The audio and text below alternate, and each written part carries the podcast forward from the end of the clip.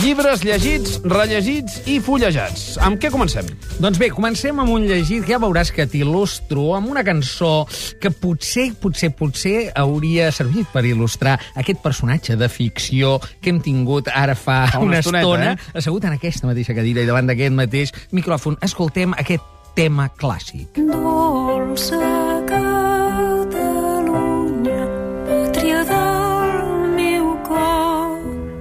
És la Marina Rossell, que ens canta l'emigrant. L'emigrant, eh? sempre diguem algú que s'allunya de la seva realitat, que s'allunya i canvia. Això és per il·lustrar l'última novel·la de Jordi Soler o Jordi Soler, perquè aquest autor és un autor mexicà, net de catalans que van emigrar a Mèxic. Aquesta última es diu La fiesta de l'oso. En Jordi Soler eh, va ser conegut per Los rojos de ultramar, la seva primera novel·la, en la qual explica com van emigrar els seus avis i van muntar com una mena d'hisenda al mig de la selva, que era Catalunya, al mig de Mèxic. No? Ell va néixer allà, ell ara ha tornat i és un autor que viu aquí, però és un autor que escriu i parla en castellà i es diu Jordi Soler, diguem. Dir que avui anirà amb el Barça i no amb l'Atalanta. Exactament, per entendre'ns, exactament, No? Eh, clarament.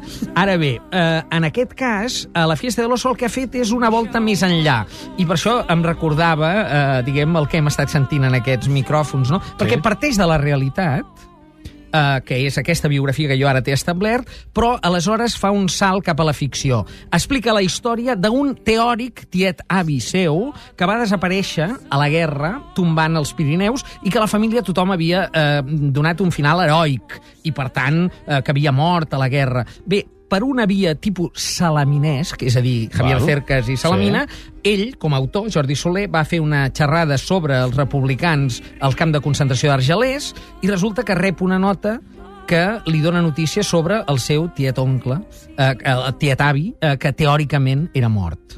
I aleshores aquí comença a estirar, comença a estirar, i acaba veient que no va ser cap heroi. Acaba descobrint que encara és viu i que va fer coses bastant lletges durant la guerra i que tot el que s'havia dit d'ell era mentida. Tu, tu, tu, quan has fet lectorali d'avui, no sabies no res del sabia que programa venia el, el eh? senyor bé, el bé, Marco, bé, eh? bé, No, molt no bé. ho sabia. Però, eh, en tot cas, és una novel·la de ficció, en aquest cas. Quatre que- Ls. Quatre Ls, una molt bona... Ell és un molt bon narrador, el que aquí fa aquest salt, eh? Perquè, com que les anteriors eren autobiogràfiques, parteix d'això, però per fer el salt, i això és mentida. I m'ha cridat l'atenció que acaba justament en la festa de l'os de Prats de Molló que és un lloc on en Joan Lluís Lluís, un escriptor nord-català, va situar una de les seves novel·les més celebrades, que es diu El dia de l'os, i que és una festa en el que eh, la gent es disfressa d'ors. Eh? I, Hi hem d'anar, eh? Una cosa espectacular, un carnaval. És un Sí, carnaval, sí, però sí. telúric amb històries. En tot cas, eh, Mots clau? mots claus serien guerra, memòria, mite, heroisme i falsedat, en aquest cas, i els dos referents Javier Cercas del Salamina i el Joan Lluís Lluís el dia de l'os per la festa aquesta de Prats de Molló. Els auxiliars de bord, els venedors de bitllets i els interventors, els serveis de neteja i els de seguretat, els financers, els de rodalies i els de l'AVE i Media Distància i els de mercaderies i logística i els de... Milers de persones treballen per convertir els viatgers en clients satisfets. Per això presentem Renfe amb tu, un nou canal de comunicació que t'informa de tot el que passa diàriament a la nostra xarxa de trens. Renfe amb tu, 902 320 320. Acortamos distancias, acercamos personas. Ministerio de Fomento, Gobierno de España.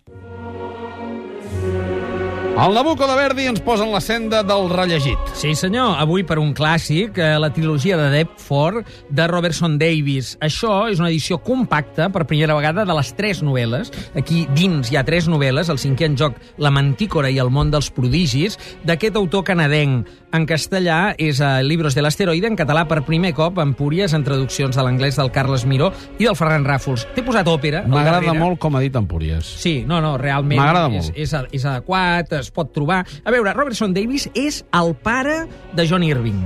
El pare literari, Carai. eh? Vull dir, no- ara no estic revelant No, res del no, cor, no, que se no, sàpiga, però a tots aquells Si que no, els ho hi hauràs de agradi... provar. Sí, exacte, i no estem en condicions, crec, eh? Però a tots aquells que els hi agradi John Irving, eh, de, des del món segons Garp i Sí. tantes altres novel·les, eh, d'aquí és on trobem el seu referent justament anterior. Mm, D'aquestes tres novel·les, probablement la millor és la primera, el cinquè en joc, que aquest cinquè és una figura de l'òpera, que per això t'he posat aquí el va pensiero del Verdi al darrere, no? Sí. eh, que és algú que no és protagonista ni antagonista, és el que completa, eh? Vull dir, sempre hi ha el prota, allò xico-xica, eh? i els dolents, però després hi ha aquest cinquè en joc. Això és una mica Robertson Davis, eh, són tres novel·les molt diferents cadascunes, per mi la millor és la primera, la segona té a veure amb la psicoanàlisi i la tercera en el món de la màgia, perquè hi ha un prestidigitador important. Eh, novel·la llarga, però molt recomanable. Mots clau. Amèrica, creixement, ambició, poder, psicoanàlisi, màgia i, sobretot, sobretot, sobretot, John Irving, que té molts lectors a Catalunya, doncs aneu a buscar el seu pare putatiu.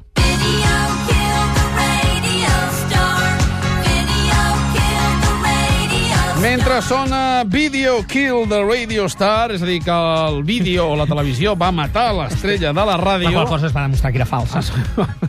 No, no, no ho dic per tu, eh? No, ho, dic, ho bueno. dic per la història. En qualsevol cas, en qualsevol cas, hi ha molts, molts, molts, molts oients que estan trucant ara mateix al Matí de Catalunya Ràdio per saber justament com venir en aquesta gran festa que prepara el Matí de Catalunya Ràdio, aquesta final de Copa del Super Enigmarius i algunes coses més. Serà el 23 de desembre, dimecres que ve, al Gran Teatre del Liceu. Us convidem al Gran Teatre del Liceu amb algunes sorpreses que encara no podem desvelar, però heu de dir, eh, us he de dir que a partir de les 12 d'aquest migdia podeu trucar al 902 014 000 902 014 000 o entrar al nostre web www.catradio.cat i reservar les vostres entrades. Eh, evidentment, esperem eh, que hi pugueu cabre tots, l'espai és prou ampli, però no val a badar. 23 de desembre, dimecres vinent, convidats al Gran Teatre del Liceu. Màrius, aquesta música ens serveix per il·lustrar quin llibre? El fullejat d'avui, eh, per acabar l'electoràlia, República TV,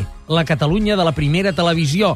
Això és l'obra d'en Francesc Canosa Ferran, ho edita Duxelm, és eh, un treball de recerca, eh? Un treball de recerca, però exposat d'una manera narrativa, pel que he vist, força interessant. Què explica? Explica el projecte de televisió catalana que va estroncar, com tantes altres coses, la guerra, i que va arribar al punt que Tomàs Roig i Llop, pare de Montserrat Roig, ja havia anat a Alemanya, a, a Berlín concretament, a comprar una emissora Telefunken per començar les emissions de la televisió catalana que mai no veuria la llum fins tantes dècades després. Fantàstic. La recomanació, Màrius Serra, moltíssimes gràcies. Demà t'escoltem amb un nou enigma a primera hora del matí i ja anem escalfant motors, eh? I el Liceu, en fi... Només et dic que pot ser, Mm. pot ser Ai. que acabem cantant.